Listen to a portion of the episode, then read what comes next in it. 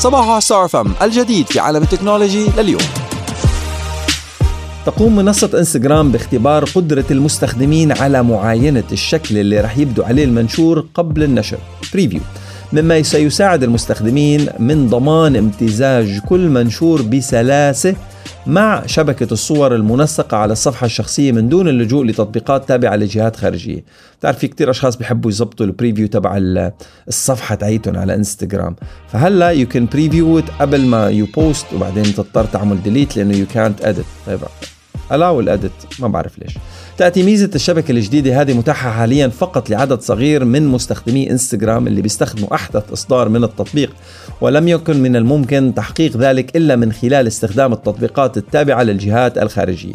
تم رصد هذه الميزة بالفعل من قبل العديد من المستخدمين وعلى ما يبدو أنه تم اختيارهم بشكل عشوائي من خلال اختبارات ال A/B testing وتم الإبلاغ عنها بواسطة Pocket-lint وفي هذا الاختبار بيعرض على المستخدمين خيار إظهار المعاينة show preview عند النشر مباشرة قبل النقر على next أو التالي ليخلي المنشور رسميا and or published.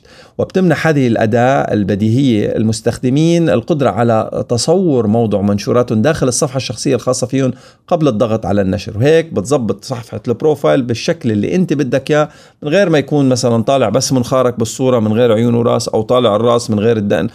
فيك تظبط ال display picture تبعك. Amazing stuff أعلنت مؤسسة دبي للمستقبل عن تقدم 61 فريق جامعي من 14 جامعة وطنية وعالمية في دولة الإمارات للمشاركة في الدورة الثانية من مسابقة الإمارات للروبوتات واللي بيتم تنظيمها بالشراكة بين مختبرات دبي للمستقبل وجامعة خليفة وجامعة روتشستر للتكنولوجيا. راح يتم تقديم أو تقييم طلبات المشاركة في المسابقة من قبل لجنة تحكيم متخصصة بتضم نخبة من الخبراء في مجالات هندسة الروبوتات لاختيار الفرق المتأهلة المكونة من ثلاث إلى ست أفراد إلى المرحلة النهائية اللي راح تنعقد منافستها في فبراير 2024 وراح تركز منافسات مسابقة الإمارات للروبوتات على ثلاث تحديات رئيسية. تشمل الاستدامة، إعادة التدوير وجمع المخلفات، حيث ستعمل الفرق المشاركة على تطوير روبوتات يمكنها إعادة تدوير المخلفات وتوزيعها في أماكن مخصصة، أو جمع المخلفات من الأرض ووضعها في مستوعبات containers، أو استخلاص المخلفات العائمة على المسطحات المائية. على ما يبدو أنه مالكي سيارات تسلا الحاليين والمستقبليين رح يتمكنوا من استخدام منصات الشحن اللاسلكي لسياراتهم الكهربائية في مرحلة ما بدلا من الشواحن الفائقة أو الشواحن الحيط الشواحن اللي على الحيط وذلك وفقا لرئيس قسم التصميم في تسلا. خلال رحلة ال Cybertruck مع Jay Leno أكدت أكد أنه تسلا عم تشتغل على حل شحن لاسلكي وحثي. آه هذا الشيء رح يمكن أصحاب ال garages اللي عندهم جراج بتفوت فيه السيارة من تجهيز بيوتهم بمنصات شحن لاسلكيه ويمكن لسيارات تسلا الخاصة فيهم بعد ذلك القيادة ببساطة فوق القاعدة الموجودة في المرآب والبدء في الشحن لحالة وهذا الشيء بحد من الحاجة إلى أجهزة شحن الحيطان. ولكن أيضا في الأوقات اللي بيلاقوا فيها بطارية تسلا الخاصة فيهم قد اقتربت من الفراغ لانهم نسوا توصيلها بالكهرباء طوال الليل. فالسيارة لحالها بتصف حالها. الله على التكنولوجي. آه الجدير بالذكر أن شركة تسلا قامت بالتشويق للوحة الشحن التعريفية اللاسلكية الخاصة فيها خلال عرضها التقديمي ليوم المستثمر لعام 2023 يعني لما عرضت ال Hollywood Supercharger التكنولوجيا القادمة. وكانت هناك سيارة Model S على نفس الشريحة متوقفة في مرآب مع شاحن غريب المظهر ربما لم يكن سوى نظام الشحن اللاسلكي الاستقرائي اللي يقال إنه تسلا رح تطلق عليه اسم مشروع جارفيلد داخليا أو أطلقت عليه مشروع جارفيلد داخليا. خلال الصيف استحوذت شركة تسلا على شركة اسمها واي فريزن واي فيرزن ل واي فيريون إيه واي فيريون للشحن اللاسلكي. و تخلصت من أصولها مع الاحتفاظ بجميع مهندسينها.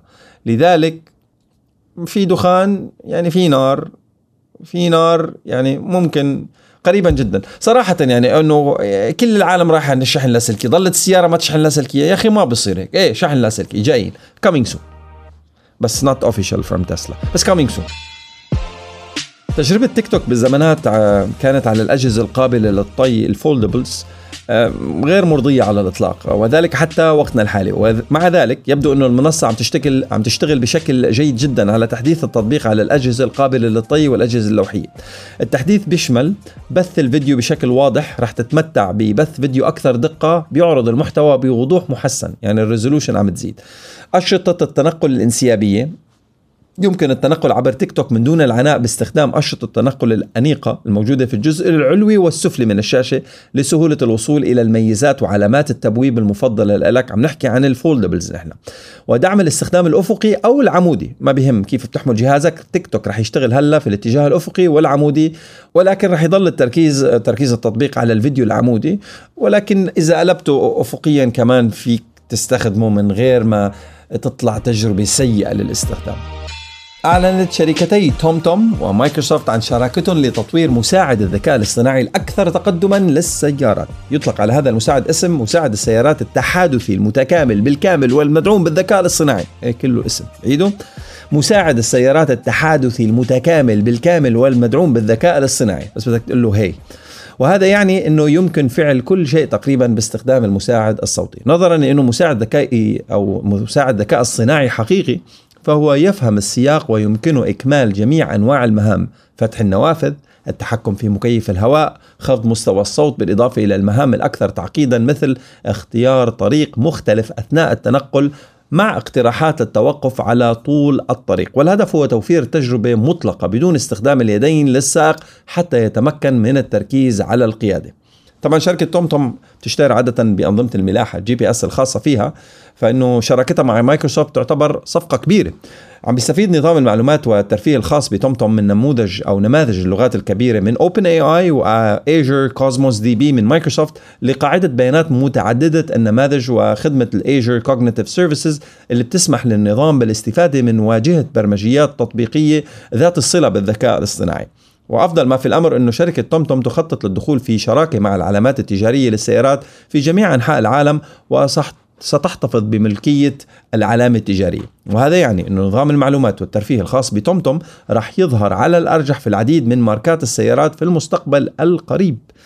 بنشوف دخله بسوق ال Apple CarPlay و Google CarPlay ممكن. قبل شهرين أعلنت DS Automobiles أو Automobiles عن مساعد ذكاء اصطناعي مماثل لسياراتها واللي بيندمج مع ChatGPT لذلك من الواضح إنه نتجه إلى ميزة الذكاء الاصطناعي للسيارة.